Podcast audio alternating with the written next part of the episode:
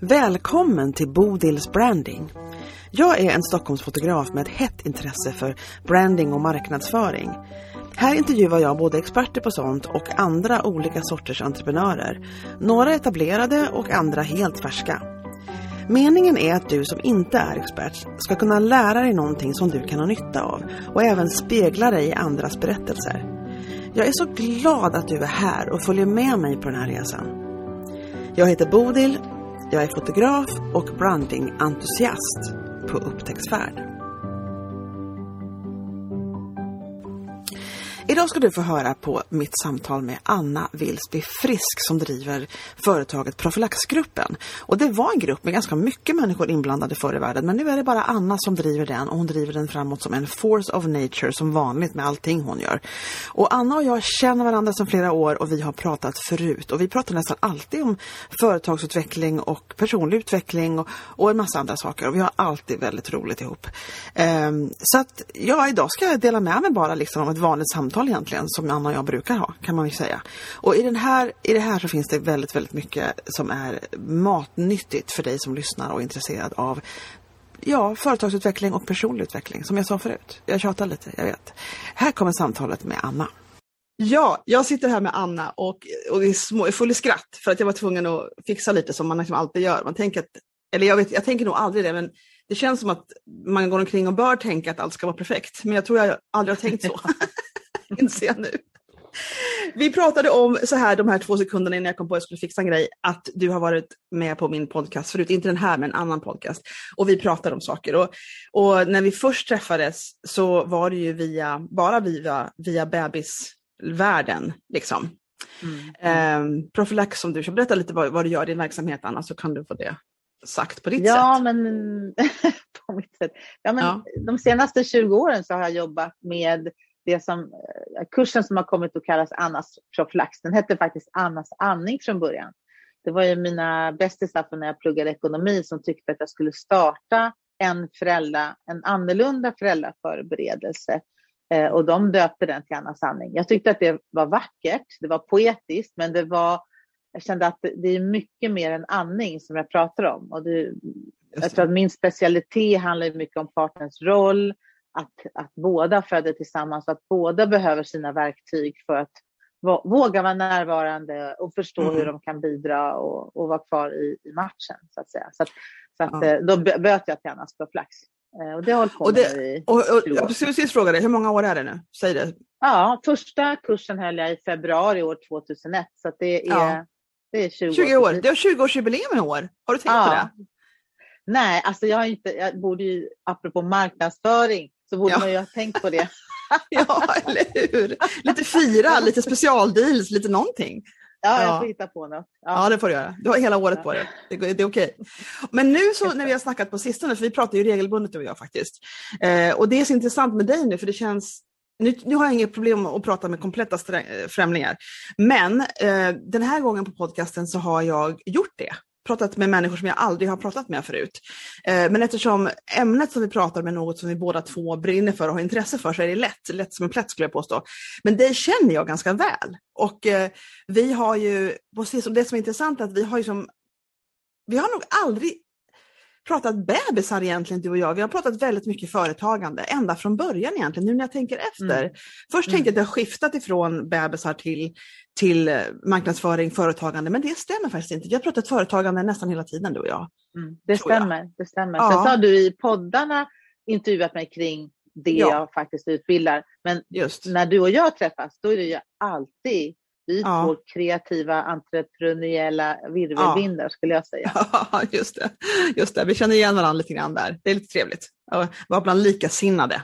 Eh, men, mm. men, då, men nu har det intensifierats skulle jag vilja påstå sen du började. Du investerade i någon stor kurs. Med, du kände liksom, hur var det? Du, du kände något behov för ett tag sedan. Jag vet inte hur länge sedan det är nu. Är det ett år sedan, två år sedan du Ja, alltså jag skulle säga att mitt grej. företag har ju varit i, i någon slags eh, ombildande de senaste åren. Jag menar fram tills de första tio åren så, så kan man säga att jag körde det här, eller 15 åren så körde jag det här vi kallar för vanligt företag. Jag hade idén om att jag skulle växa mycket och mm. bli större, vara fler.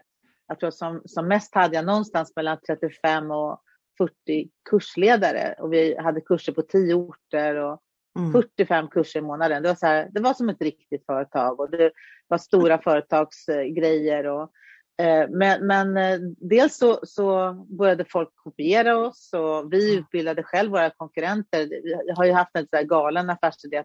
Jag tycker att alla som föder barn ska kunna ha en bra verktygslåda. Så då har de barnmorskor och kliniker och mödravårdscentraler som varit intresserade hört av sig och så har jag haft certifieringar för dem. Och det har ju då förstås lett till då att eh, vi har jobbat bort oss från ort efter ort efter ort. Så efter ett tag så var jag så här, men kanske min roll har slutat, alltså jag kanske ska börja med något annat. Jag, har ju, jag är ju utbildad ekonom och journalist och lite allt möjligt i, i, i bakgrunden. Så att, ja, det finns ju mycket man kan göra. Men jag inser att jag faktiskt brinner för det här ämnet. Jag brinner inte bara för mm. födandet och att paret gör det tillsammans, men också för föräldraskapet. Det här att faktiskt ha ett ja. bra liv tillsammans och, mm. och, växa och utvecklas med sina barn och inte att det bara ska vara någonting som man överlever. Så att mm. jag bestämde mig för att jag ville fortsätta med det här och då har det varit några år när jag varit, okej, okay, så hur ska det här gå till? Mm. Hur ska jag få och hur vill jag jobba? Och sen så kom den här kära pandemin och ställde till det och jag vet att när jag stod där i, i mars då, år 2020, så och det var liksom typ noll anmälningar i april. Då var jag så här, mm. är det över nu? Ja, nu det, det, var det, inte bara du som, det var inte bara du Nej, som, som kände jag så. Det var många, jag var mm. många som, men igen var jag liksom tvungen att, att uh, titta mig själv i spegeln och fundera, okay, vill jag göra det här? Och så bestämde jag för att jo, jag vill få det här att funka. Jag vill mm. överleva. Jag, jag vill ha uh, vara att bidra på det sätt jag kan. Mm. Så att då, dels så gick jag en sån här det kallas för Thought Leader Program med Brandon Burchard som jag verkligen rekommenderar. Som handlar om den här nya eh, ekonomin kan man säga, det nya sättet att jobba med digitala produk produkter, online-föreläsningar och kombinera med en social närvaro och så vidare mm. eh, på, på sociala medier. Eh, jag gick till och med coachning där. Eh, väldigt avancerat, otroligt imponerande program. Jag måste säga, shit vad de är duktiga de där mm. amerikanarna. Alltså. Så jag ja. lärde mig jättemycket. Men det jag kände var att jag de, de, är, alltså det som skiljer det amerikanska konceptet mot det europeiska, det är ju liksom att amerikanare är så himla mycket. Allting mm. är ju, ska vara growth, growth, mera, mm. större. Mm. Och allting handlar om att, att, på något sätt bli så fruktansvärt effektivt så att varenda sekund under dagen är planerad. Alltså, du ska ha planerad vila, planerad meditation, planerad sätt klockan på 45 minuter, gå upp och drick vatten. Allting skulle vara så strukturerat. Jag kände att eh, det vart för mycket, det synsättet. Jag tycker fortfarande jag har lärt mig något mycket och jag är tacksam för att jag gjorde det. Mm. Men eh, jag kände att där på något sätt är det som att jag dör ju av den här lavafloden vi drabbas av allihopa i sociala medier. Eh, på Instagram och Facebook och Twitter och LinkedIn och allt det där. Och så kände jag så här, på något sätt så var budskapet att, att jag skulle bidra till det. Du måste ha fyra inlägg per dag för att synas wow. i den här lavaströmmen. Mm. Eh, det var inte bara två gånger i veckan eller en gång om Nej. dagen utan fyra gånger om dagen helst. Varje mm. dag. Året. Mm. Och så kunde man planera för det och lägga upp smarta scheman för det. Allt det där. Mm. Men jag kände så här, det skorrade med, mig, med min egen, mina egna värderingar. Så det är inte mm. det jag vill bidra med. Jag vill bidra med kvalitet. Det är mm. det jag vill bidra med både i form av innehåll i vad jag lägger upp och vad jag har för utbildningar. Och, och så kände jag att jag bara blev stressad. Och det är något jag har lärt mig att när jag blir stressad så är mitt inre jag, min kropp, mitt system som säger nu gör jag något jag inte egentligen vill. Ja. Det, här, det här måste jag ändra på något sätt. Så att då har jag gjort det. Och sen så har jag börjat jobba med någonting som heter High Ticket Coaching Academy. Där man jobbar med att istället för att vända sig till hela världen och frälsa hela världen och man ska nå ut med miljarder likes och subscriptions och sådär, så, så var det faktiskt motsatt. Att okay, identifiera din idealkund. Mm. Hur ser din, vem vill du egentligen jobba med? Var, mm. var kan du göra mest nytta? Och de kallar det för micro-targeting. Så att istället mm. för att skjuta brett så finslipar vi idén om, om, den kund vi vill jobba för. Sen drar ju det till sig andra, men Mm. Jag märker alltså redan nu vilken skillnad det gör och det är så roligt och det är mycket skönare och jag mm. slipper mm. gödsla Men inlägg. Kände du, så, kände du så att du verkligen Att du ville liksom nå alla. Du hade väl ändå en målgrupp på typ gravida, gravida människor någonstans? Eh, ja, gravid, ja, men gravida, alla gravida då. Ja, okej. Okay. Ja, jag förstår. Men ja. jag, jag måste säga att jag hade faktum är att när jag förstod hur bra mitt koncept är, för det är bra, och jag är ju mm. till och med jag har, eftersom jag kommer från ekonomsidan från början, jag inte jobbade som, som eh, ja, barnmorska eller så, eh, mm. eller doula, utan jag kom liksom från ett annat perspektiv, så var jag också väldigt noggrann med att mäta och följa upp att det jag gjorde fungerade. Mm. Lite grann som, som nästan som uh, matadoren i färden, bara titta på vad jag gör. Är det här bra grejer? Också därför att det handlar ju om människors liv och, och kroppar. Ja. Och, ja. väldigt noggrant för mig viktigt att, att säga saker som är viktigt. Så, att, så att jag skulle nog säga att det har gjorts 11 magisteruppsatser, fyra större studier. Oh och jag God. kan lätt säga ja, att det, det är nog en av de mest välforskade koncept någonsin. I ja. alla fall i den här profylaxvärlden. Så jag tror inte ja. jag vet någon kurs som har utsatt sig för det som jag. Så, att, så eh, Vänta, ursäkta, jag måste backa bandet lite grann. Du sa 11 magisteruppsatser. Det är ganska mycket Anna. Har någon, det, ja, men... det är säkert någon som har gjort det, men jag bara säger att det är ju inte, hör inte till vanligheterna. Jag har gjort en. Alltså. ja, och jag, jag, har inte personligen gjort någon av dem, utan det är alltså barnmorskor, barnmorskestudenter, ja. forskare, Jaha, som har forskat på Jag trodde du hade skrivit dem själv och tänkte, men gud vad hon har. Nej, nej, jag nej, fattar. Nej, nej, ja, men, det, men den, har blivit, den har blivit granskad om man säger så, av väldigt många. Supergranskad. Och sen har det gjorts då, Karolinska institutet, eh, Linköpings ja. och så vidare har, har då ja. gjort större studier där vi har varit med. Så det då har varit eh, superkul. Eh, så nej, nej, nej då hade jag inte haft tid att driva mitt företag. jag tänker också. Jag minns när jag gjorde min, det med För mig blev det ändå så här, det var lite grann, att jag sa det lite kort inför den här intervjun, att det var som att jag hade jag kände att jag hade liksom the remedy for cancer. Liksom, mm. Och då måste jag ju försöka få ut det. Och det mm. som jag insett i det här då, det synsättet, det var att då blev det för pushigt. Du vet, det är som, som någon står så här, det här är bra, det här är jättebra, mm. köp mig. Mm. Köp. Det, det, det, energimässigt så, så blev det inte så lyckat tycker jag själv. Och jobbigt, mm. för det var som att man skulle, även om jag visste att man kan inte övertyga, övertala någon, så hamnade jag ändå lätt i att liksom försöka förklara för folk vad bra det här var. Ah. Och, och, nu slipper jag det. nu kan jag ja. mer till 100 procent fokusera på kunden istället och säga, ja. okej, okay, förstår jag vad du är? Hur ser mm. din världsbild ut? Det, det men när du fokuserar på kunden, det är, liksom när, det är när du har dina kurser, när du liksom pratar, men du menar också när du pratar om din kurs på sociala medier, att du då fokuserar på kundens upplevelse även då? Är det det du säger? Ja, alltså det som är det nya synsättet, om jag, ja. jag skulle försöka beskriva så här, det är att genom att jag nu försöker verkligen sätta mig i mina kunders sits, och så här, hur ser hur, ser de, hur tänker de kring förlossningen, kring föräldraskap och eventuella problem och risker och sånt där. Och om jag mm. kan sätta ord på det så nära verkligheten som möjligt, mm. då kommer de känna igen sig och ja. känna sig attraherade. För då kommer de känna att här är någon som, som, som faktiskt förstår vad jag är med om, vad jag håller på med.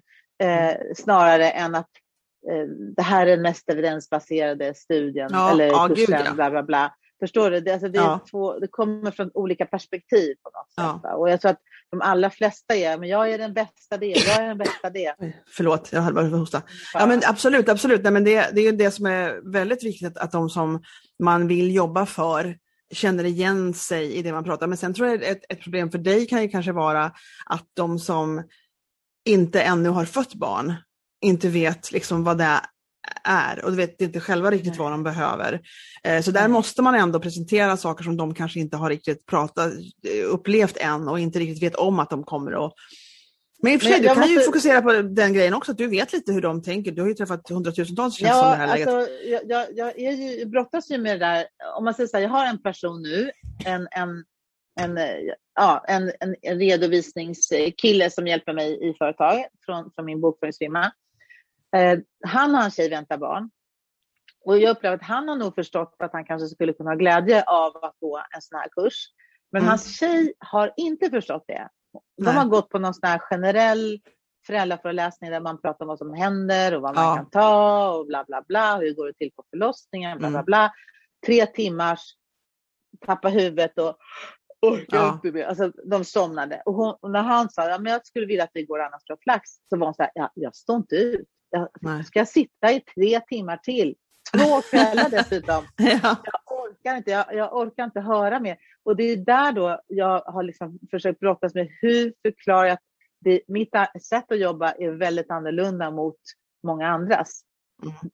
Det, är det, är, det är inte lätt alltså. Men Nej. det kan vara lite lättare om jag struntar i det och istället tar perspektivet, okej, okay, eh, kan det vara så att du känns känns det som att du inte orkar gå en enda kurs till? Du har sett tusentals Youtube-videos. Mm. Du pallar inte med att höra en gång till att det liksom bla bla bla, mm. det ena och andra. Mm. Eh, är det på det sättet? Okay, så jag, jag håller på, fortfarande på att utforska det här. Men det jag ser, jag kan inte ens, det är som magi, det är att jag drar till mig helt nya, med det här nya sättet att marknadsföra på. Jag la upp en liten Facebook-annons på engelska Eh, jag hade ett engelskt par som ville att jag skulle ha en kurs. Jag hade ja, inte tänkt ha, ha det. Så, jag, okay. så för två veckor sedan så hade jag ett par på den kursen, mm. det paret. Mm. Jag sa, vi chansar. Och så la jag upp den här annonsen och sen så fick jag eh, eh tre par till på bara ett par veckor. Men du la upp vilken Vilket... annons? Den här annonsen, du hade ett par på den här kursen? Facebook-annonsen. Om, ja, alltså, det vadå? var en kille som ringde som hade hört talas om anastroplax och sa kan inte du ha en kurs på engelska? För, för mm. att, eh, ja. Och jag sa att okej, okay, vi testar. Eh, mm. Så jag la upp den och de var så att säga enda anmälda. Och sen så la jag upp en annons på Facebook med det här nya sättet att kommunicera på. Där jag egentligen struntar i fakta, jag struntar i att tala om vad jag erbjuder.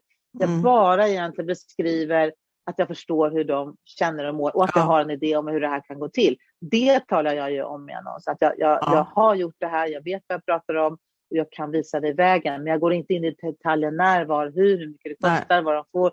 Nej. Inget sånt där. Eh, och jag kunde bara se direkt så fick jag respons på ett sätt ja. som jag inte har känt igen från tidigare. Eh. Och då har jag experimenterat med väldigt många olika liksom, förhållningssätt och så. så det var väldigt ja. kul i alla fall att se. Ja, det förstår jag. Jag fick mer smak. Eh, och det blev också en avslappning, för det blir det här då slipper jag känna mig som den här äh, dammsugarförsäljaren som ska tala mm. om att min dammsugare är så himla bra. Nej, men alltså, det är väl det som är grejen som en del kan missuppfatta, tror jag, och som jag alltså, nyligen pratade med någon som pratade om, jag vill inte jag tror inte på sociala medier som en säljkanal, sa hon. Och, mm. och, det är inte meningen att det ska vara en säljkanal egentligen, utan det är meningen att det ska vara ett, ett ställe att bygga upp ett personligt varumärke så folk känner igen en och tycker om en och förstår vad man står för. Och, och sådana saker. Sen ska man absolut inte vara blyg för att prata om saker som kommer upp, men, men det är främst inte ens en webbshop, liksom, om, man inte, om man inte har det på Instagram, för det finns ju också en funktion som är det.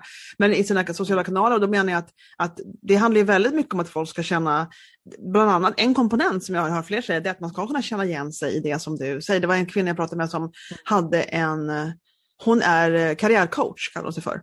Eh, mm. Och hon pratade också om det, att jag vill att folk ska känna igen sig i det som jag säger i mina inlägg. Känner du dig förvirrad över vart du ska gå härnäst? Känner du det? Och det är mm. inte någonting som är eh, någon slags helt ny grej, men jag tror inte så många tänker så pass specifikt på att det är så de ska liksom prata.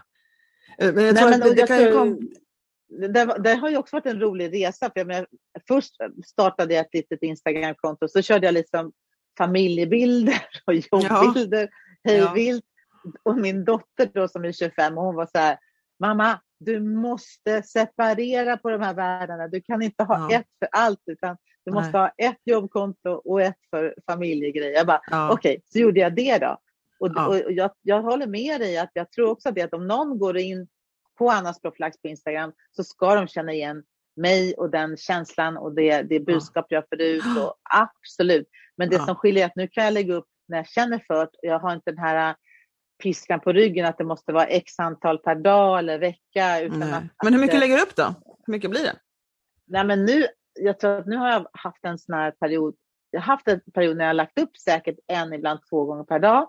Ja. Och sen så, så när jag bara bestämde mig för att börja jobba på ett annat sätt så, så ja, nu har det varit en gång var tredje dag kanske. Ja, just det. Väldigt skönt. Ja. Väldigt skönt. Jag tror man måste lyssna på sig själv. Jag tror att man måste ta in kunskap, ta in liksom folk vad de säger om det här. Alltså de som någonstans på något vis man kan komma fram till att de vet vad de pratar om. Men sen måste ja. man faktiskt ta och eh, adapta det lite grann till, till vad, som, vad man själv mår bra av. Och då kanske man får köpa att, man inte får lika, att det inte går lika fort framåt som om man var fyra gånger om dagen. För det, det finns liksom en evidens på det. Att ju mer du lägger ut, ju mer konsistent. Det, det tror jag också. Men då är det, liksom, det är lite grann som eh, jag var ju med på eh, föreläsningen, eller mässan Underbara barn. Ja. Och i höstas så var den typ gratis. Jag tror det var ja. helt gratis, inträdet. Ja. Och då fick hon, hon fick så mycket mässedeltagare och så vidare. Ja. Eh, föreläsarna fick ganska få, eller ja, det var ju några hundra och så, här, så det var ju kul på, på sätt och vis. Eh, men sen i våras så hade hon en ny mässa då hon tog betalt. Det var inte mycket, det var typ 50 spänn inträde. Mm. Men det visade sig att det påverkade 100 procent vilka som kom till mässan. Så mm. det som hände var att de som kom till mässan som hade betalat de mm. handlade mer. Jag hade plötsligt 700 i min mm. monter och inte 200. Fastän det var 10 000 mer personer på hösten.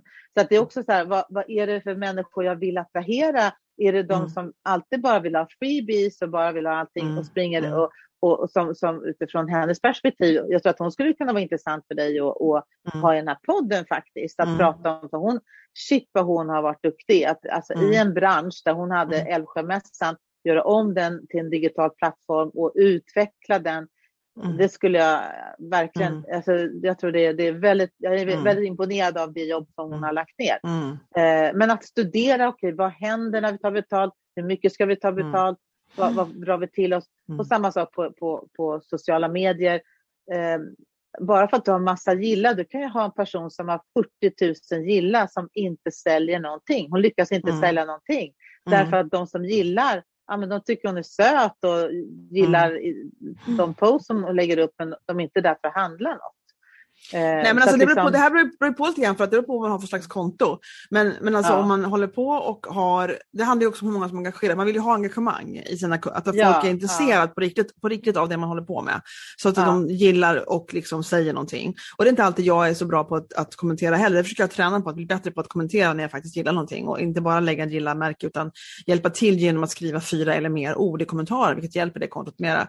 Eh, men det, de, det är ju verkligen någonting som man har sagt, liksom, att om man att om man lär känna en, en person bakom företaget, om man tycker om den personen, om man blir engagerad i den personen, då kan mm, man mm. tänka sig att köpa saker av den bara genom att stödja den. Och ja, inte för att man just då behö behövde det. Så, att, så att det finns ju, um, det finns ju en, en funktion med att framförallt, framförallt ha engagerade följare som någonstans är ja, investerade i en på något vis. Emotionellt investerade ja, menar jag. Absolut. Och jag, men en sån där som jag, som jag följer, som jag är imponerad av hur, hur, hur konsistent hon är, i det, det är ju hon eh, barnmorskan Asabia Britton som är mm. eh, jag menar, hon lägger upp mycket live och hon, ja, hon är konsekvent i, i, i det hon gör.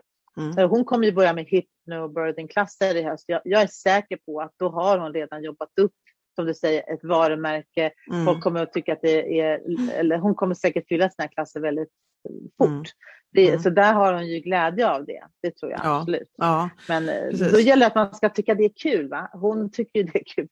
Ja. Inte det så kul. Man får hitta sin balans tror jag. Man får, man får nog acceptera att det, är, att, det, att det är ett värde i att bygga ett personligt varumärke. Man måste liksom ja, göra det för att få följare som vill engagera sig i en och ens produkter.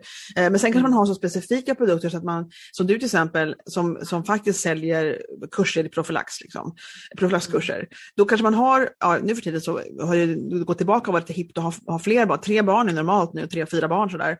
Eh, men alltså det finns ju en en gräns på liksom, vad de kan köpa av dig till slut. När liksom man är klar, klar att göra barn så är man liksom inte, inte så mycket intresserad längre. Men så är det likadant för mig i min andra bransch, i min andra gren i fotoföretaget likadant. Uh, men likt förbannat så, så um, funkar det verkligen när man, när man känner att man dras till den. För det är det, det, är det enda man har som är unikt, det är ens egen personlighet. Det är det enda man har. Ja, och, och, och, och sen blir det ju så att de som har gått till dig och, och fotat sina bebisar och magar och allt det där, mm. de, de kommer ju tillbaka. Alltså, eller jo, de, framförallt de, de marknadsför till andra. Jag skulle säga att när, när jag går till mina kunder och tittar på vad har de hört talas om, annars på flax, var har de kommit ja. Alltså jag lovar fortfarande, är minst 95-98 procent som har hört från en annan som har gått kursen. Ja, så liksom det. Min, det är det absolut den viktigaste mm. marknadsföringsvägen är eh, från öra till öra så att säga. Mm. mm. Barnmorskorna har ju tidigare varit väldigt viktiga också för mig. Men när de började ha sina egna profylaxkurser då har de inte varit lika benägna att, att slussa dem vidare till mig. En del gör ju fortfarande det faktiskt. Ja. Det, det, tycker jag uppskattar jag jättemycket. Ja. Men så, även där har ju så att säga, marknaden förändrats och mm. för mig har ju då internet eller Facebook och så blivit mycket viktigare att mm. kunna nå ut till föräldrar. Ja, att, Men, men då är det betald marknadsföring. Men, ja, du har gjort annonser, jag vet att du har gjort det och investerat i annonser mm. och sådana saker. Mm. Eh, mm. berätta för mig, vad, vad, vad, har du kommit fram till nu då? För det är också väldigt viktigt att vara regel, även om man bestämmer sig för vilken, vilken eh, kvantitet man ska ha så måste man ändå hålla ut och göra den kvantiteten och bara göra det hela tiden och aldrig sluta i princip. Men vad har du bestämt dig för känns bra för dig nu? Har du kommit fram till det eller tweakar du fortfarande? Alltså i hur mycket du lägger ut i sociala medier? Jag, jag tror att eh, jag tror att jag säkert kommer landa i tre i veckan eller något sånt där. Någonting sånt där, två eller tre i veckan skulle jag tro. Mm. Någonting. Mm. Och det är liksom också att det är så roligt för när, när jag ger mig själv tillåtelse att inte skriva, men då får jag ju massa idéer att skriva. Så att jag, jag har ju den här kreativa mm. flödet i mig, så egentligen kan jag liksom slappna av. Det, jag tror att det som, som skiftar det är egentligen det här måste, att jag måste göra för att jag måste, då är det mm. inget kul längre. Eh, mm. men sen handlar det också om att jag vill inte bara lägga upp åtta bilder på min kaffekopp. Liksom. Alltså, Nej, jag fattar. Alltså vi, vi måste alla på något sätt faktiskt börja rensa lite för att inte bidra till den här vulkanen, den här lavafloden av inlägg. För att, jag menar, jag känner du, den, känner du den pressen att du, att du, att du liksom förorenar flödet om du lägger i för ofta? Är det så du känner? Ja, absolut. 100 procent. Really? Ja. Huh. ja, det, det, är helt främmande, det är en helt främmande koncept för mig att känna så. Helt, helt främmande koncept. Helt därför att folk kan välja, ja. därför, att, därför att om du lägger ut liksom tio, säg att du lägger ut tio grejer på rad. Då kan, jag, ja. då kan jag lova dig att dina följare kommer att se en av dem. Ja men det tror jag. Jag tror att det är mm. så. Mm. Men liksom grejen är ändå att, att, att det är ändå den här enorma lavaströmmen. Sen så ja. tror jag att man kan hålla ett inlägg vid liv lite längre. Alltså man kan ju först lägga upp det och sen så kan man lägga upp det i sin lilla live okay, på eftermiddagen. Alltså, mm. Redan där så, så kan du få ditt, ditt, ditt inlägg att faktiskt mm. ha, vara som två inlägg. På en, ja, absolut. Att återanvända eh, lite eh, material saker. är väldigt ja. smart. Mm. Men, men framförallt så, så, tror jag att det också handlar om att det jag vill lägga mest fokus på det är ju att coacha föräldrarna. Mm. Så nu har jag lagt ner väldigt, väldigt mycket tid på hur ska jag synas på sociala medier. Vad är mm. bästa språket? Vad är det bästa? Och, mm. och, och, det känner jag är någonting som, som eh, jag, tror, jag tror egentligen att när jag hittar formatet för hur jag kan synas så ska inte jag behöva lägga så mycket tid. Då ska det vara mer lustbetonat mm. och, mm. eh, och, så, och så kan det vara då och då. Men jag, jag, jag, tror också att du har rätt i att det måste vara regelbundet. Att det måste ja. finnas, alltså, okay, är det två gånger i veckan, då är det två gånger i veckan. Mm. Eh, så, så, och det, där tycker jag också de tips du har gett tidigare på de här eh, där man kan lägga upp i förväg. Jag menar, ska man på mm. semester så kan man ja. liksom ändå förbereda, ja. förbereda inlägg så att man har en närvaro. Och det ja. tycker jag är och jag tror också att du säger att du, att du inte känner för att skriva säger du ibland och då, då inser jag att, för du skriver ju mycket och du har mycket långa texter och när du har det live så har du, pratar du ganska länge också, du har mycket att säga liksom, för du har mycket att säga och väldigt mycket bra att säga. Men jag tror att ibland så kan man också slappna av i om det känns okej. Okay. Man kan åtminstone underhålla tanken.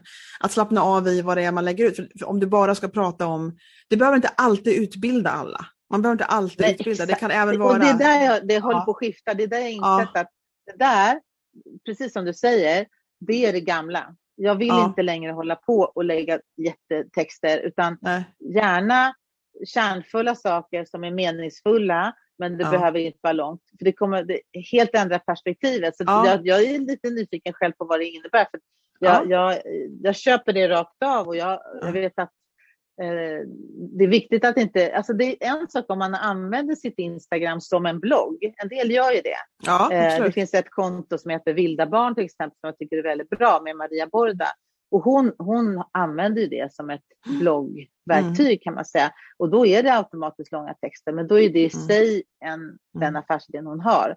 Men hon eh, kombinerar väl det, det kanske med några live och några små filmsnuttar, eller gör hon inte? Ja, jo, jag tänker att hon gör det. Ja. Ja. För det kan man ju lätt göra och då behöver inte det vara så pretentiöst. Alltså, det låter som ett hemskt ord. Jag menar inte att andra är pretentiösa, jag menar bara att man, man kan ta ner ribban jo. på vilket jo, engagemang man måste lägga vi, i. Jag tycker vi kan säga pretentiöst. Det är det jag menar här, att frälsa folk. Att, vara, att liksom se det som att jag, bara, jag tycker det är så skönt att bara lägga ner det. ja, men absolut. Jag tror, jag tror att i vår ålder, din och min som är väldigt lika, så tror jag man får absolut, jag känner ju att jag är extremt luststyrd. Jag gör ju grejer som jag tycker är roligt och, och, så lite som möjligt av det jag inte tycker är roligt. Eh, och försöker försöka undvika det längsta. Och, och, då, och då måste man naturligtvis göra en inventering på vad det är som man går igång på och vad som är kul och vad man mm. tycker om. Men sen vet jag också om att en annan sa, um, jag lyssnade på någon som sa att, att ja, nej men det är hårt jobb och det kan vara jobbigt att, att behöva liksom lägga den tid och den energin som jag för att skapa reels, för att göra grejerna, för att hålla på. Uh, och det är inte alltid kul, men det är inte kul att inte ha kunder heller. Alltså det här att man måste Nej. förstå att det, man måste investera energi och tid och kraft på för att, liksom, för att ha företaget med kunder i princip. Liksom. Ja. Men, ja, och det, det måste man köpa. Liksom, det. Men jag, jag vet jag att, det... det är superviktigt. Att, att, eh, alltså, där är du inne på någonting som, som, som är väldigt viktigt i den här. Det är att hitta sätt att faktiskt få kunder. Mm.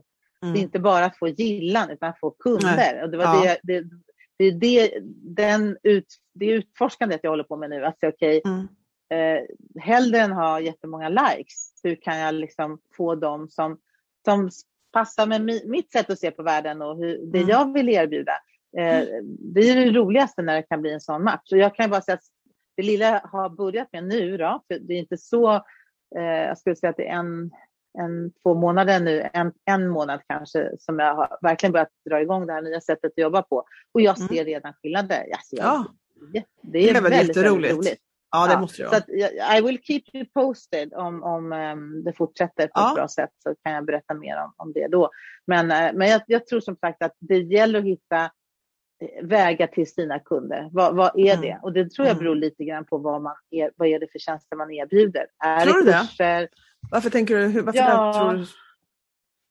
Men jag tänker så här, om man säger så här, ett, eh, det dyker upp i mitt flöde så dyker det ganska ofta upp såna här eh, gå ner i vikt och eh, skapa bla bla bla. Det, alltså det är samma människor mm. som, som har olika saker de säljer. Mm. Eh, och jag har gått in och, ibland och tittat på de videos som är då fria, som de har, där de introducerar mm. sitt sätt att tänka och koncept och sånt där. Mm. Jag har inte någon gång varit ens, har fått idén att gå till deras Instagramkonto. Nej. Förstår du skillnaden? Alltså jag har varit intresserad av det de erbjuder som ja. en tjänst. Men varför ska jag gå och se när han dricker kaffe på morgonen? Alltså, det Nej, jag menar. Och då tänker du att de behöver, och, därmed behövs inte Instagram, är det så du tänker? Eller? In, inte för mig på den säljkanalen. Och där mm. måste jag märka att äh, jag, jag tycker jag, jag, även om jag vet att det här är det här med personlighets, alltså att man blir sedd av alla och att det förs statistik på allt vi gör. Och, det tycker jag det är lite skrämmande. Så från ett företagsperspektiv så är det ju magiskt att kunna lägga upp en annons och säga okej, okay, jag vill ha alla Stockholmskvinnor mellan 30 och 39 och mm. Eh, bla bla bla. Det är svårt att hitta liksom, ett sätt att marknadsföra som är så skarpt som det mm. är. Eh, Ja. Så att, ehm, ja. Men, och det bästa är ju om man kan göra det via, alltså, får du upp ett varumärke så kanske du lyckas med det. Men mm. jag har inte lyckats med det innan. Nej. Däremot så lyckas jag få ganska bra kunder till mina... Ja. Eh, men du, men du har ju också, men, man har kunder som upplever någonting hos och inte bara köper en produkt, utan de har en upplevelse. För det mm. har de ju hos dig. Eh, mm. Då är det ju naturligtvis någonting som de kan prata om på ett eh, eh, väldigt fördelaktigt för dig med andra människor. Vad jag, vad jag märker med mina kunder som har upplevelser det är att de går runt omkring och predikar om mig för de har liksom annat att göra, de har ett liv, de jobbar inte för mig. men, om det kommer, ja, men om det kommer upp, om det är någon som, som råkar fråga dem om det, känner du någon som, då mm. predikar de. Liksom. Och det, jag mm. begär mm. inte något mer än så heller, för det, det funkar inte så att de går omkring och bara berättar om mig hela dagarna, utan det är någonting som kommer när det kommer upp någon gång. Och så funkar det. Men, men om de har en bra upplevelse så kommer de alltid kunna rekommendera en ifall någon, ifall någon vill veta. Uh, och det är väl det som är lite grejen, att vi, nej, men vi är inte här för likes, vi är här för att göra våra kunder lyckliga. Men allting integreras ju lite grann. Men likes är lite iffy, för det är, det är som sagt, man vill ju helst ha folk som är engagerade mm. och man vill ju också ofta se till att man når människor som i, i princip skulle kunna köpa av en, kunna liksom, det, man, ja. det man säljer ja. också. Ja. Men um, ja, jag vet att den här, den här podden tänker jag mycket på att jag vill liksom, dels så vill jag förmedla kunskap, för jag vill inte marknadsföra mig som en, som en expert på sociala medier, för det är inte det jag säljer. Liksom. Jag vill inte marknadsföra mig så jag kan mycket, men det är inte det jag säljer. Uh, jag säljer liksom brandingfoto, det är, det är min produkt. Mm. Men jag vill mm. hemskt gärna förmedla kunskaper till människor, för jag, jag vet att, att det här är ett ämne som många behöver veta mycket mer om och behöver förstå och vad de behöver göra för sina företag. Jag vill att, jag vill att folk ska lyckas. Liksom. Uh, och då, då blir det som två flugor i en smäll, att jag dels kan förmedla kunskapen genom andra människor och dels att jag kan liksom låta dem spegla sig i andras berättelser, känna igen sig och sen så att de ska lära känna mig. Att de ska varje mm. lördag, om de, om, de på, om de känner att de tycker det är värt att lyssna på den här podcasten, så tänker jag då lär de känna mig lite, hur jag är, vad jag ställer för mm. frågor, de grejer jag berättar. Så de känner sig så pass bekväma med mig att de kan tänka sig att hänga lite med mig och liksom eventuellt ha en fotografering och känna sig bekväma med det. Så, så jag har liksom, så det är en av mina vägar att bara liksom visa upp mig som person lite mera till mera mm. människor och sådär. Mm.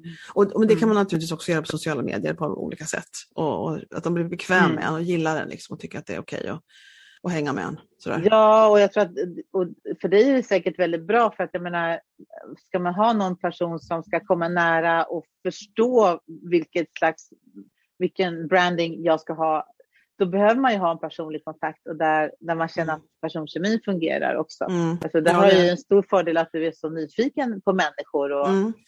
men det, det finns en anledning att du tycker om att intervjua folk och ja. göra de här ja. sakerna. Så det låter väl, det är väl jättebra. Ja, det här är, kan ju vara... det är perfekt, det är perfekt medium för mig, för jag gillar att snacka med folk. Jag gillar, och jag är nyfiken, jag är väldigt nyfiken på människor. Jag fick en idé, ska jag dela den? Ja, absolut. Branding, foto. Du mm. gör ju brandingfoto. Mm då kan du sälja en liten poddvideointervju som de kan lägga upp på sin hemsida där de får berätta om sitt eget koncept. För det här är någonting som jag upplever ofta är väldigt svårt att som egen företag prata om sig själv på ett sätt som då mm. inte blir pushigt och skrytigt mm. utan mm. bara intressant och, och berikande. Och mm. Det är ju alltid mycket lättare när någon ställer frågor till en. Mm. Jag skulle tycka det var magiskt till exempel om du ställer frågor mig, om vi skulle, jag skulle kunna beställa det av dig. Att du gör en liten intervju av mig mm. På, mm. på fem minuter, den får inte vara mm. längre än så. Där mm. du liksom frågar, okay, vad är Annas profylax? Vad får man lära sig här? Ja. Hur kan vi det Och så lägger jag upp den på min första sida. Så att de som vill veta lite då får ja. de ett litet, som en liten Jag fattar, som en, pr en promofilm men någon annan driver liksom ja. frågorna. Om man själv tycker ja. det känns svårt att bara sitta live och göra. Ja, det var en bra liten idé. Det ska man absolut kunna se om någon som är intresserad av. Sådär. Tack Anna för den. Tack så hemskt mycket. men vad tänker du sen då när du, när du ser framåt? Jag, vet inte, jag, jag är ju jättedålig på det. Jag, har inte, jag tycker, eller jag tycker de ska inte säga, jag bara gör inte av min natur. Så tänker inte jag liksom, vad gör jag om fem år? Ja, vissa grejer gör jag faktiskt det med. Men inte i företaget. Jag liksom rullar på på nästa impuls. Ungefär. Ja. Kan man säga. Men vad, vad, tänker du framåt för dig och, det, och, faktiskt, och, och, din marknadsföring? Alltså din, mm. ditt sätt att representera företaget och bygga företaget och bygga varumärket.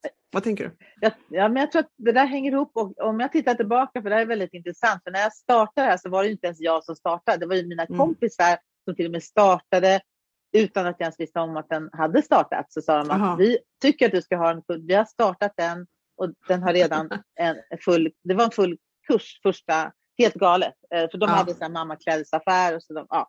ja. Eh, så det, det, var liksom inte ens mitt eget initiativ. Wow. Jag hade ju förberett mig själv inför mina förlossningar och allt det där. Men det var inte som att jag vill jobba med det här, och jag vill, utan det var andra som Gud. puttade mig över kanten. Väldigt intressant. Är du och, glad för och, det idag? Eh, jag vet att du har haft ett väldigt bra liv med ditt företag, men, men det är ju jätteannorlunda jätteannorlunda start på ett företag. Det, ja, jag har inte hört talas om så många som har startat. jag, jag gick faktiskt till, till en astrolog någon gång eh, och, och, hon sa så här, att du hade inte en sportmössa. Det var meningen att du skulle jobba med det här. Så när du inte tog ja. de initiativen själv, då, då fick andra göra ja. det åt dig, som att ja. det var dit jag skulle gå. Eh, jag tycker det har varit fantastiskt. Jätte, mm. jättegivande och roligt. Mm. Alltså magiskt roligt. Och jag har ju varit med på flera hundra förlossningar också, bara ja. det. Och, alltså, ja, så berikande. Mm. Men jag hade länge när det gäller just företaget den här känslan av att jag konkade omkring med mitt företag på ryggen. Det här har jag fått, mm. det här är mitt uppdrag. Mm. Eh, och, och, det var lite tungt, det var lite borden och sådär. Mm. Eh, och det jag är i nu, det, det, är att för första gången känner jag, vilket inte låter klokt efter 20 mm. år med samma företag, att för första gången känner jag att jag har skapat en vision framåt. Nu vet mm. jag hur jag vill jobba och hur jag mm. vill hitta den här balansen. För det har också varit där, jag älskar att jobba från landet eller om mm. vi reser någonstans, att kunna ha en mm. kurs, om jag åker till Costa Rica eller Spanien eller mm. wherever, att jag ska kunna ta med mig mina verktyg. Och, eh, och det kan jag nu, så nu har jag liksom den bilden klar att jag, jag vill ha eh, ja, fyra till åtta eh, personliga coachningsuppdrag. Då. Jag har, jag har ett, det paket som har funkat bäst under pandemin har varit att de, mm. Det kallas för, jag kallar det för webbkurscoachning, vilket är lite så här taffligt. Men det, de, de köper ner, laddar ner webbkursen och sen får de en timmes live online med mig mm. via Zoom. Mm. Mm. Eh, och den kombinationen har visat sig vara magisk och jättehärlig för mig också. För att då mm. får de ju alla grundläggande verktyg via webbkursen. Så jag behöver inte berätta om allt de ska tänka Nej. på under latensfasen och bla bla bla bla. bla. Eh, och sen kan jag ta och zooma in så att säga på dem, ja. på, på deras personliga, deras behov, deras bakgrund. Har de fött ett barn? Är de rädda inför det första? Eh, och, och i och med att jag jobbar terapeutiskt så, så känner jag att jag verkligen får använda min terapeutiska förmåga i de mm. samtalen. Så de blir så Ja, det har blivit riktigt, riktigt bra. Och då har jag känt att då vill jag ha, eh, ja, ungefär. Det är ett, nytt, det är ett nytt kurspaket kan jag säga. Det är ett nytt kurspaket. Det är som kursen som har funnits ganska länge, webbkursen. Och plus med det, ja. en, med, med, med live-komponenten där med dig. Det, och det har du inte haft så länge den kom. Och det var sedan pandemin, eller hur? Sen, det var då den, den tvingades fram kan man säga. Ja. Eh, och och, och eh, visade sig funka väldigt bra. Så det jag ska göra mm. nu är att spela in ett liknande som webbkurs kring föräldratiden, eh, mm. alltså föräldraskapet. Eh, mm. Så att det blir en sån modul som de kan ladda ner. Jag har ju experimenterat med såna här live, filmade livesändningar på Boon, mm. Boon mm. TV. Eh, jag har inte lyckats få det att funka och jag vet inte om det är för att jag formulerar dem eller ja, har ingen aning. Men jag, jag tycker inte jag... Det, det är de som laddar ner dem, man kan ladda ner dem efterhand, de tycker att de är jättebra och att de funkar fint. Mm. Mm. Men det är inte så många jag lyckas nå med dem. Mm.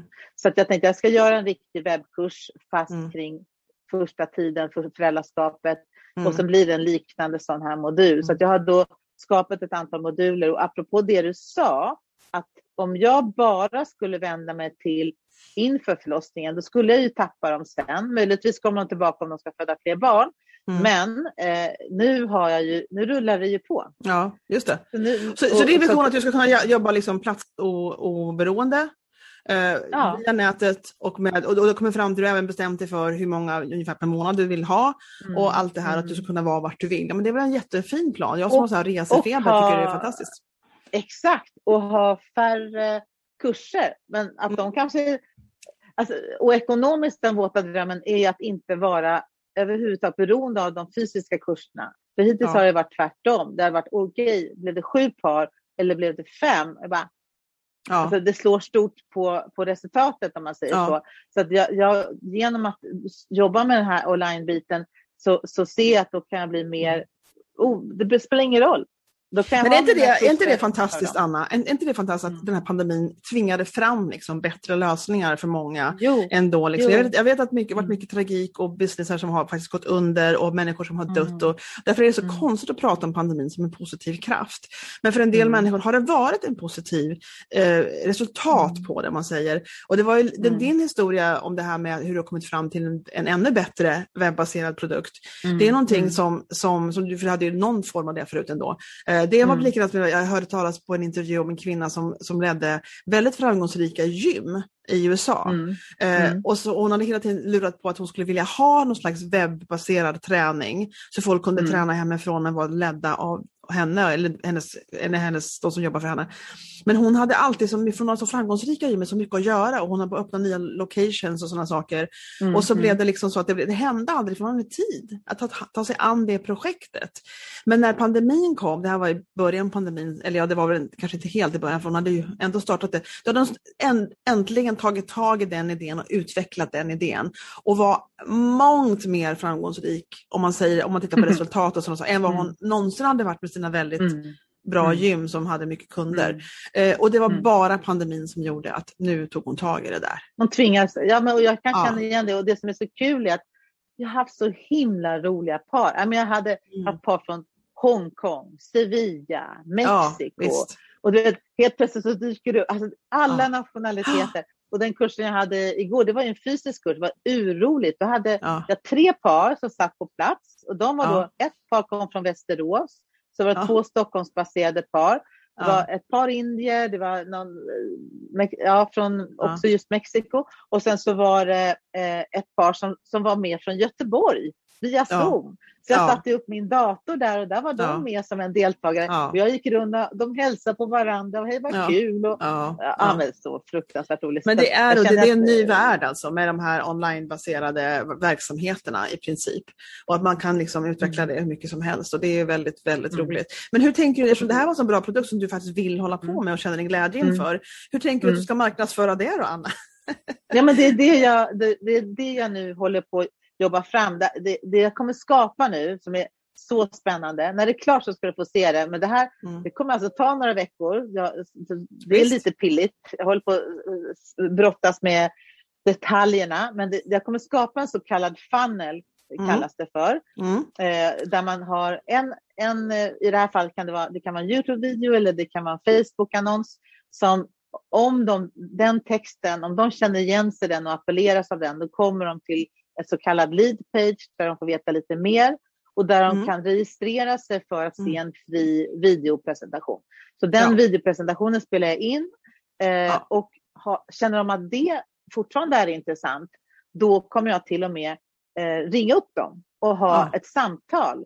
Men målet är att de kommer eh, så att säga, köpa ett lite större paket och det är där de här modulerna kommer in. Så det kommer både vara inför förlossningen och ja. föräldraskapet. Och så, så kommer två, ja. tre sådana. Jag, så, ja. jag ser den trappstegen så att de är viktiga för att det handlar också om att få vardagen att funka med barn och alla vi som har barn vet ju hur plågsamt det kan vara. Och det här förstår ju aldrig de som väntar sitt första barn, varför man pratar de här termerna, att mm. man vill kasta un, ut ungen och att man ångrar sig mm. och allt det där. Men det är det här liksom att vi har ju någon slags längtan över att faktiskt ha ett liv med våra barn. Mm. Och hur mm. kan man ha ett liv som mm. inte ändå handlar om att man ska ha kadaverdisciplin och, och piska mm. och sånt där. Ja. Utan må bra, att alla ska må bra. Men, men det här är så roligt för att grejen med den, dig som det alltid har varit, eh, förutom första mm. veckan då när någon annan sa till dig, gör det här företaget. Men sen ja. så har du alltid haft en, en passion för detta. Men du, egentligen var det så här, grunden var ju redan lagd innan eftersom du kände när du, du hade den här upplevelsen för dina egna förlossningar, att du ville ha andra verktyg. Du, hade, du, du var ju din kund egentligen i princip var, i början. Exakt, exakt. Ja, och, och det var därifrån det, det kom att du tände mm. på det när de sa till dig, gör nu det här företaget. Och då insåg du att att ja, det finns så många som jag, så nu ska vi serva dem. Liksom. Och du hade ju verkligen en kundupplevelse kan man säga då, eh, för dig. Så du har alltid varit så passionerad över det här, både föräldraskapsgrejen och profylaxen.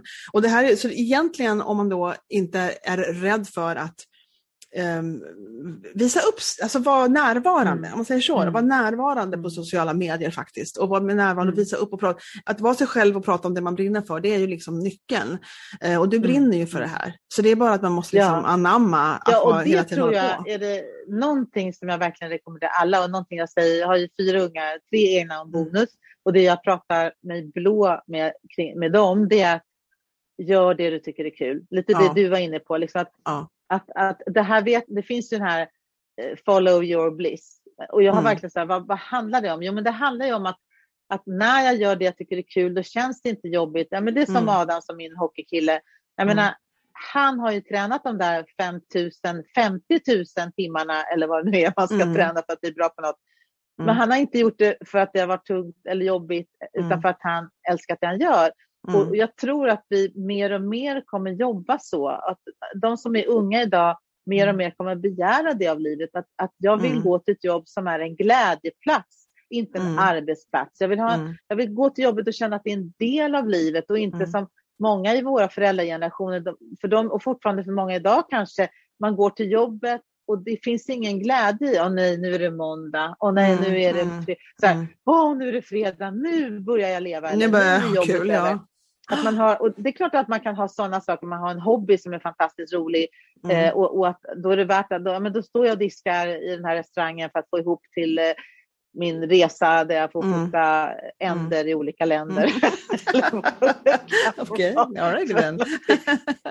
alltså, det är som, som vi har en, en eh, kusin i familjen, han är helt galet duktig på att knyta såna här flugfiskesgrejer.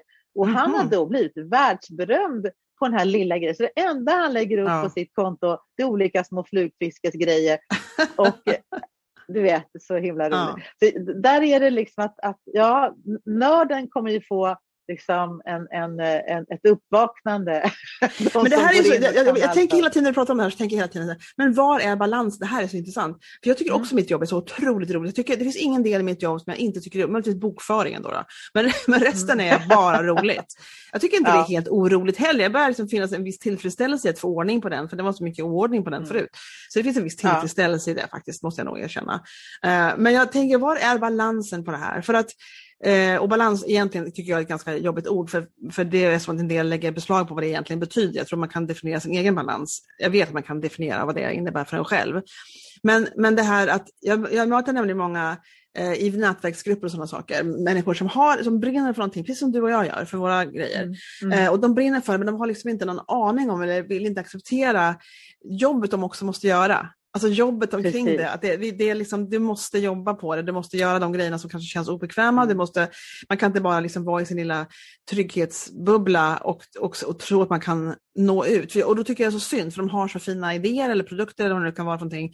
Men jag ser att de kommer inte att klara det, för de, de vill inte Um, göra de där göra jobbet. Alltså göra jobbet. Ja, alltså det, och jag ja, tror man kan precis. tweaka jobbet på hur mycket det är och vad det innebär. Men det finns vissa saker man liksom inte kan, man måste ha en hemsida. Man måste, så här, det finns grejer man måste göra. Ja exakt, ja eller hur. Så det finns grejer man måste ja. göra, så man kan inte bara tror, säga att åh vad bra min grej är.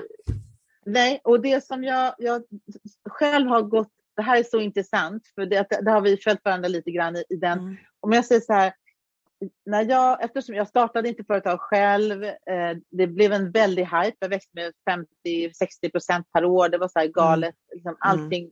Det var verkligen en spännande resa. Men jag såg allt det här som jag tyckte var tråkigt, som bokföring, ekonomi.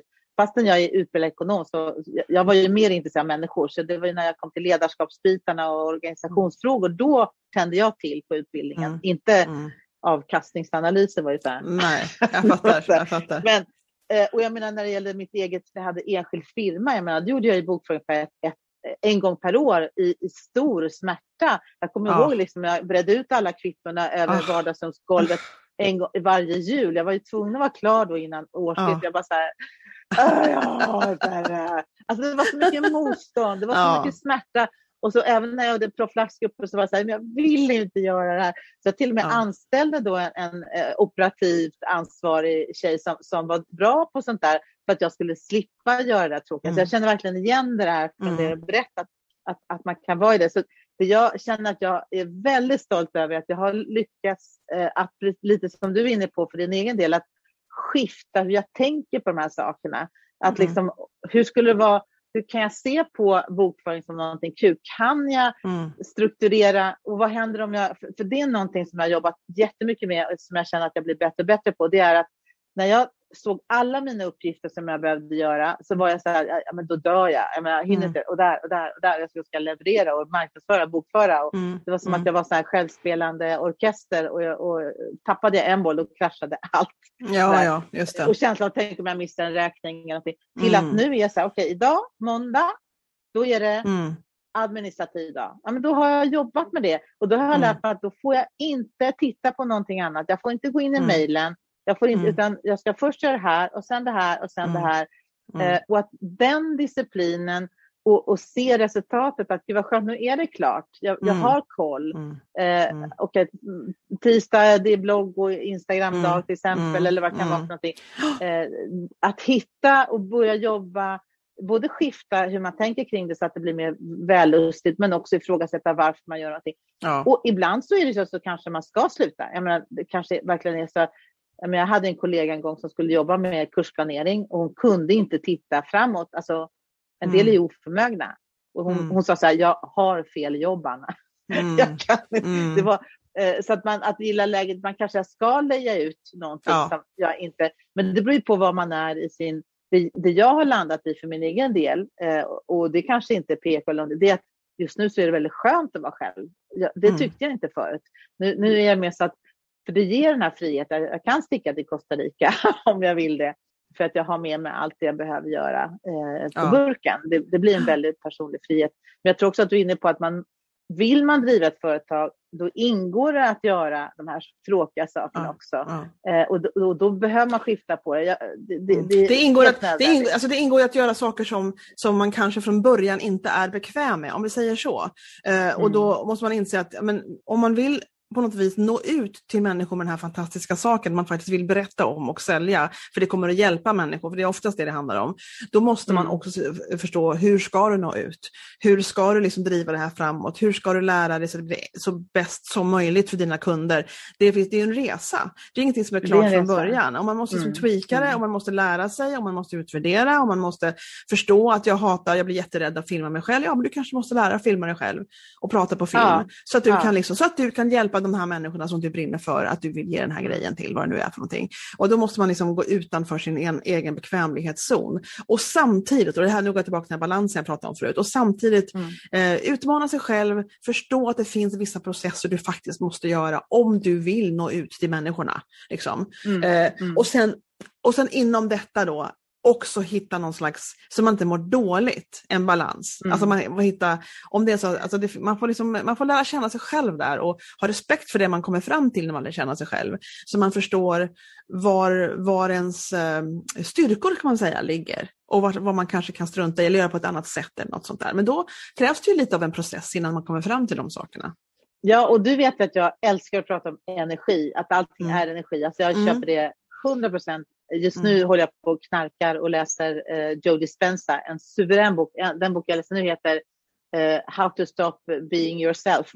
Så heter den ja, ja, men typ eh, något sånt där. Ja. Men i alla ja. fall, eh, allt är energi. Så jag tänker så här, det jag har börjat förstå är att om jag gör någonting och inte vill göra det, om jag är i motstånd, om hela jag är bara så här, jag blir så trött, jag orkar nästan inte lyfta det här mm. kvittot, mm. då kommer inte jag göra det jobbet bra.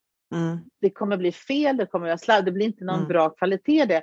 Så jag behöver hitta ett sätt att, att jobba när, i, i en bra energi.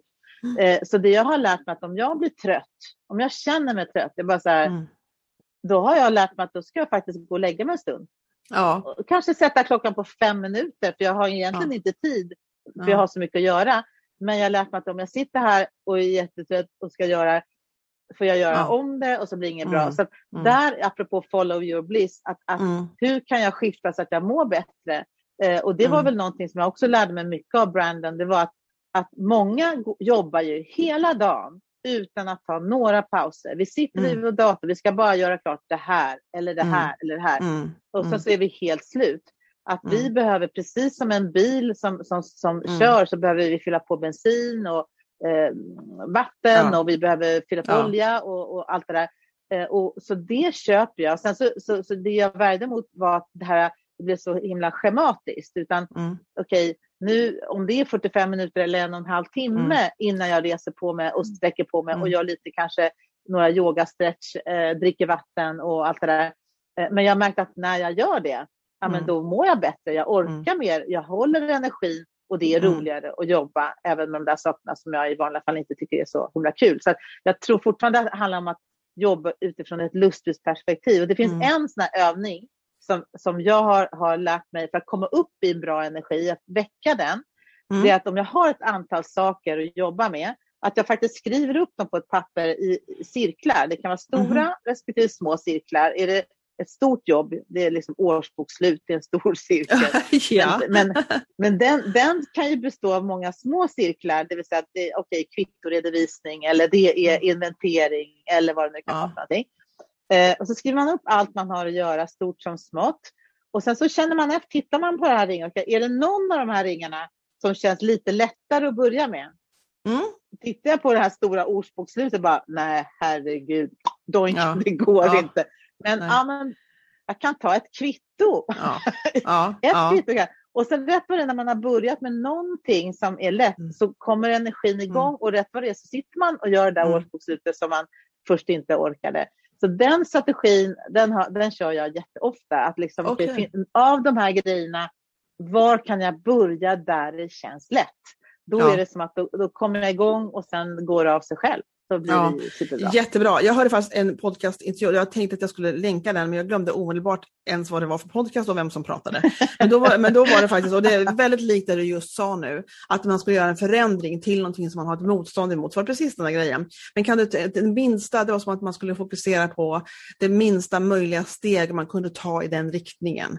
Och bara fokusera på, liksom, kan jag tänka mig att tänka mig att jag kan det här? Eller så här, det här första som liksom skiftar lite det där man har fastnat. Och så skiftar man lite mot, så riktningen blir ändå mot det hållet man, man har motstånd mot att gå till. Liksom. Jag tycker det här är superkul, för jag, jag har börjat applicera det på mina kurser också.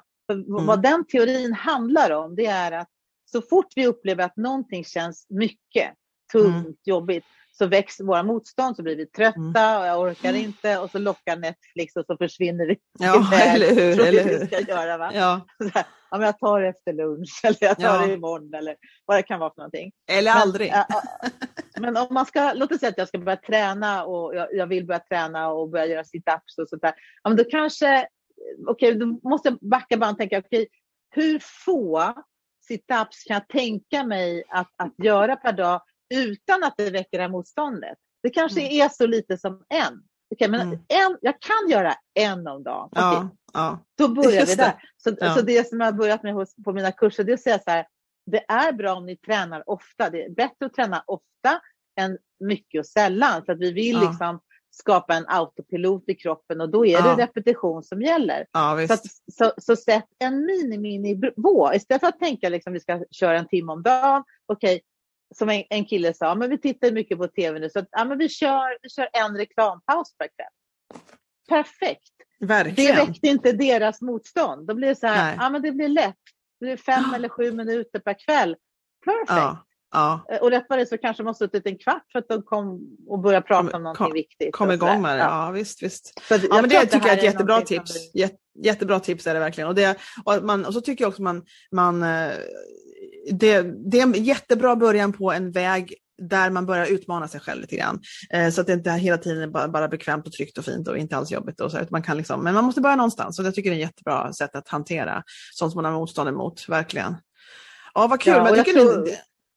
Jag, jag bara säga så, det, det här handlar ju också om att om jag gör någonting, om jag har ett företag, en idé, mm. en passion som jag vill utveckla, så, mm. så, så är det bra att att då och då, kanske ofta, kanske till och med varje dag formulera för sig själv varför gör jag det här? Varför, Verkligen. varför gör jag det här? Och inte bara att liksom jag vill bli rik eller så, utan mm. vad, vad, är den djupare tillfredsställelsen mm. med mm. att göra det här? För det, det är bara den som kommer hjälpa dig att liksom ta dig över de där mm hindren som du kommer möta mm. eller utmaningarna eller vad. Eh, så att jag inte, och det var ju det som jag upplevde för mig själv blev så tungt, för jag var inte klar. Det blev mm. bara som att, och jag har fått den här mm. jävla vagnen med stenar, mm. så ska jag dra ja. omkring på den 35 kursledare och göra personliga utvecklingssamtal. och de ja. till och med sa att du ska inte hålla kurser för du måste leda företaget och du måste ha bla bla bla. Jag bara, jag var som en blomma utan vatten. Liksom. Men, ja. men ja, och, och, jag hade någon fråga varför gör det här? Jag hade kunnat rapa upp någon slags, ja, den här världsförbättra-grejen då. Men det var inte det som det kändes här. Mm. Nu har jag mer så här en djupare glädje som jag kan connecta lättare till för att jag har liksom suttit och gnuggat lite de här tankarna varför jag gör det här och för mm. vem och sådär. Mm. Eh, det, är, alltså det... det, är så, det är jätte, jätteviktigt. Är det. Och jag tror att om man, om, man, om man inte vet exakt vad det är som ger en glädje och vad det finns för värde, vad det är för värde man vill förmedla, eh, vad, då, då klarar man inte av de tuffa tiderna. Man orkar inte med då. Alltså. Man orkar, det är tufft att driva företag ibland. Det, är, inte, det, går, det är tufft. Liksom. Och man måste ha någonting som leder ens låga liksom, hela tiden. på något vis. Det är klart att man kan, bli, mm. klart att man kan ha jobbiga dagar och tycka det är tungt och sådär. Men, men, man, men man tänker inte att jag, jag slutar genast därför att man vill ju fortfarande förmedla det här som man liksom liksom tycker är värt någonting, man tycker det är värdefullt. Eh, och då håller man ut. Liksom. Och hålla ut alltså den, den som håller ut längst vinner, alltså det är det, man måste hålla ut. Och, och verkligen hålla på och hålla på och hålla på. Förstås inte in absurdum, tycker man att man, inte blir, att man blir olycklig av det, då får man väl sluta då. Men, men om man fortfarande känner att det, det är någonting som är ett värd, någonting värdefullt som faktiskt kan förmedlas till andra människor, och man verkligen brinner för det, då gäller det att inte ge upp alltså. Då gäller det att hålla på hålla på och också alltså, vara ärlig med sig själv och se okay, vad har jag för självsabotagestrukturer. Och du mm. vet ju att jag, jag, jag, jag, går ju själv eh, i terapi och sånt där när jag känner att jag behöver det. När jag, mm. när jag, mm. inte, när jag inte fixar det själv, då är jag så här, mm. okay, det här är så viktigt, det här är verkligen vad jag vill göra. Mm. Och, mm. och jag märker att jag har destruktiva mönster. Jag menar, be om hjälp, det kan vara en kompis som kan hjälpa, det kan vara en coach, det kan vara en terapeut, men, men det är ju så att det som vi saboterar oss själva med, det, det, vi går inte in genom den dörren frivilligt. För våra egon, våra sinnen, de säger liksom nej, nej, nej, nej. Vi, vi, vi, tror ju att vi skyddar oss själva från smärta genom att inte titta på det som är problematiskt. Men mm. ja, så där, där, även där som, som du säger, behöver vi här, göra en liten reality check. Vill jag göra det här? Mm. Vill jag få det här att funka? Ja, men då måste mm. jag titta på vilka sätt jag saboterar det här. Mm. Eh, och det kan skapa flow Mm. För det, är, det är lätt att styras av, av att låta sig, låta sig styras av rädslor och det är väldigt sorgligt tycker jag när man har någonting bra att ge ut till världen. Liksom, tycker det är tråkigt om det får styra. Verkligen. Det är klart att man, att man, blir rädd ibland men, men ähm, ja, jag hade en sak nyligen som jag liksom började på och sen så slutade med omedelbart. Jag ska inte säga omedelbart, jag, var väldigt jag trodde det var världens bästa idé jag skulle göra grejen. Och så insåg jag det här är inte alls min grej. Eller det blev var olika saker som gjorde att jag kom på nej jag ska inte göra det här alls faktiskt. och då hade jag redan köpt en plattform och jag vet inte allt. Nej, men, då, men det kom jag på, det, kändes, det blev som en, lika tydligt som jag kände att det här är grejen, det här grejen ska jag göra. Så lika tydligt kände jag, det här är inte grejen. och, då, och då när det kändes sådär tydligt, så jag, ah, nej men då slutar vi omedelbart. Bra, vad skönt! ja, ja, precis. Men, men då, eh, berätta lite var du finns, berätta vad din hemsida heter och vad din Instagram heter och sådana saker. Eh, ja, men Anna Stroflax eh, och jag brukar, mitt varumärke är liksom ihop. Eh, jag heter mm. Anna Wilsby Frisk så man kan hitta mm. mig via den en, eh, ja. ena eller andra leden. Och, och som sagt, jag har både fysiska kurser och webbkurser och jag, har, jag tog fram, eh, jag hittade inte min gamla bok här, men jag, min nya bok, En riktig födelsedag. Eh, mm. Innan du föder, där var ju både bok, kurshäfte, DVD, mm. allting. Eh, mm. Så att jag fortsätter ju producera sådana material och min mm. idé är att oavsett om du har 10 kronor på fickan eller om du har ett par tusen på fickan så ska du kunna förbereda dig inför både föräldraskap och förlossning. Mm. Mm. Eh, om du verkligen vill så finns det. Mm. Så att mina grejer mm. finns ju till och med på biblioteken och, och, och, mm. och, det finns ju många vägar till men det är de här nyanserna, smakerna. Mm. De, de som mm. gillar den smak jag kan erbjuda, okej, okay, de kommer till mig. Så, att, mm. så, så, är det. Så är det, eh, så är det alltid. Ja, annars profylax på något sätt. Profylaxgruppen heter ju företaget. Ja. Eh, jag, jag, har slutat prata om det så mycket för att vi är inte en grupp längre. Eh, det var ju tanken från början att vara många och nu är det bara jag. Så nu kör jag Annas profylax.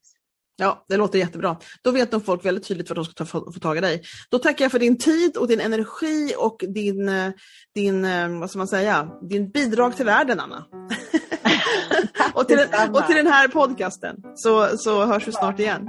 Okej, okay. hej då. Ha det gott. Hej då. Hej. Sa jag inte att det här skulle bli bra att lyssna till?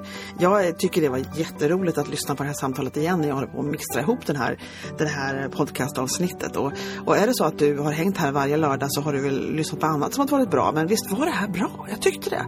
Och du som har just hittat fram till podcasten och det här var det första du någonsin hörde härifrån så är det ju bara att gratulera då. då. Och så hoppas jag att du kommer tillbaka igen nästa lördag när jag har nästa samtal.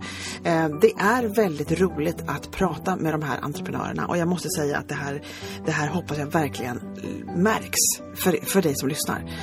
Um, jag är ju egentligen en brandingfotograf som håller på att boosta andra företagares varumärken med professionella bilder. Och vill du hitta mig mellan de här podcastavsnitten då finns jag på brandingyou.se och mitt Instagramkonto heter brandingyou.stockholm och jag gillar DM. Så har du någon fråga eller undrar någonting så bara skicka iväg det till mig så, så ska vi kunna nog få kontakt och prata vidare.